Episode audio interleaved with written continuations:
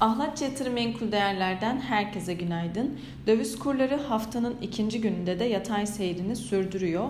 Dolar TL 14.80 ve Euro TL ise 16.27 seviyelerinden işlem görüyor. Dün kur korumalı mevduat hesapları ile alakalı resmi gazetede bir değişiklik yayımlandı. Başlangıçta 21 Aralık itibariyle mevcut dolar, euro ve sterlin hesaplarının sisteme dahil olmasına olanak sağlanmıştı.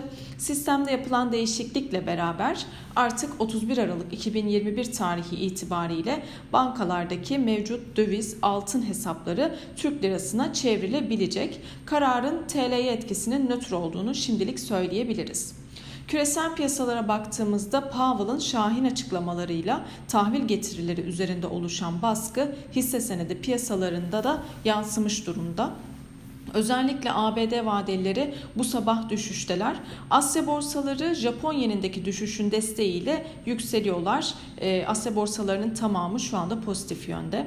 FED Başkanı Powell May, e, Mayıs ayındaki toplantısında e, gerekmesi halinde faizleri 50 bas puan arttırabileceğini açıkladı. Bu yönde bir kararın henüz verilmediğini de vurgulayan Powell, e, açıklanan verilerin gerektirmesi halinde bu yönde bir adımın ihtimal dahilinde olduğunu e, söyledi. Bu ifadeler her ne kadar şahinleşme gibi e, mesajlar e, verse de e, tahvil faizlerindeki durum bu adımın gerçekleşip gerçekleşmeyeceğini sorgular nitelikte. Açıklamalar sonrası ABD tahvil getirileri yükselişe geçmiş durumda para politikasına yönelik beklentiler doğrultusunda normalde getiri eğrisinin kısa vadeli tarafının yükseldiği gözlense de uzun vadeli tahvil getirilerinde de yükseliş eğilimi oldu diyebiliriz. 2 yıllık tahvil getirileri %2,18'e 10 yıllık tahvil getirileri de dün %2,33 seviyelerine kadar yükselmiş durumda. 5 ve 30 yıllık tahvil getirileri farkı da 2007 yılından bu yana en düşük seviyeye gerileyerek bir resesyon sinyali de vermiş durumda. Emtia tarafına baktığımızda Brent petrolde geçtiğimiz haftalarda sert düşüşlerin ardından tekrardan toparlanarak 115 dolar seviyelerine yükseldiğini görmekteyiz. Fiyatlardaki yükselişte özellikle Rusya-Ukrayna savaşı ve Suudi Arabistan'ın petrol tesislerine düzenlenen saldırıların e, yarattığı arz endişeleri etkili olmuş durumda.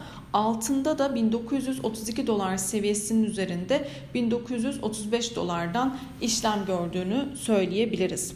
İçeride yurt içi tarafa baktığımızda Borsa İstanbul teknik açıdan hem kısa vadeli hem de orta vadeli hareketli ortalamalarının üzerinde seyrederek yükseliş eğilimini koruyor.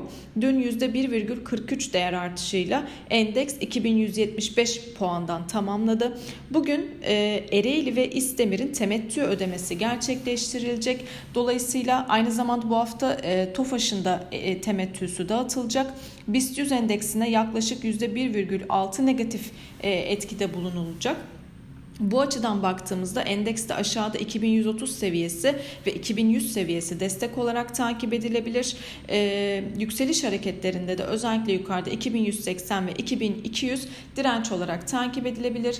Bugün gerek yurt içi gerekse yurt dışı piyasalarda önemli bir veri akışı bulunmuyor. Herkese bol kazançlı güzel bir gün dilerim.